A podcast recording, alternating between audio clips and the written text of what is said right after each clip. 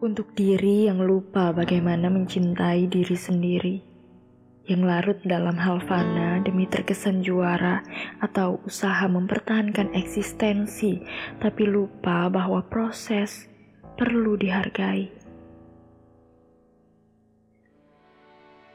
Kau datang dengan tergesa, langkahmu pendek, nafasmu bergemuruh, lalu duduk, pandanganmu memusat, nanar Kau kenapa? Tanyaku. Balasmu menggeleng.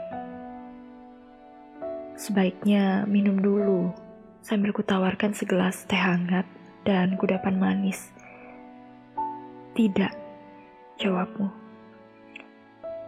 Tidak kenapa? Kau sedang marah pada apa? Pada diriku sendiri. Nadamu dongkol.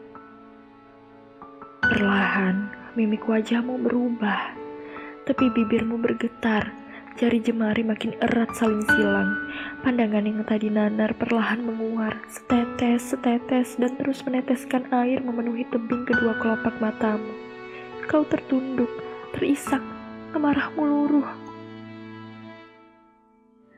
Kubiarkan ia menyelami kekesalan yang terjadi, membiarkannya larut bersama setiap bulir air matanya yang jatuh membasahi pipi. Tanganku menghampiri pundaknya. Tidak apa jika kau ingin menangis, menangislah. Kau tahu? Ia coba mengawali kalimat mengutarakan yang bergolak. Ku dengar tarikan nafasnya kali ini panjang, disambung dengan hembusan yang lebih tenang. Niatku utuh, usahaku telah sungguh.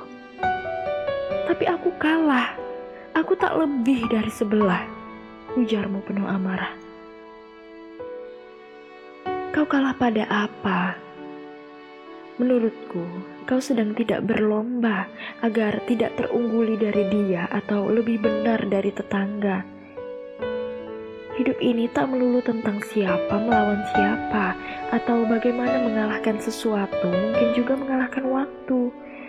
Sungguh sempit makna hidup kita jika hanya ingin menjadi nomor satu. Kau hanya perlu melihat keunggulan dirimu Bertanyalah ke dalam diri sendiri tentang apa sebenarnya yang ingin kau tuju. Agaknya kau harus berdamai dengan diri sendiri. Keluarlah dari jebakan ambisi yang membuatmu lupa bernegosiasi dengan kejujuran diri.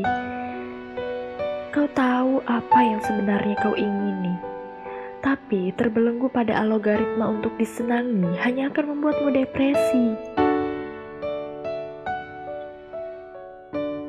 Pada titik tertentu, terkadang kita perlu menurunkan ekspektasi hanya demi sebuah posisi atau eksistensi. Peluklah diri serta syukur atas usaha yang telah dilalui.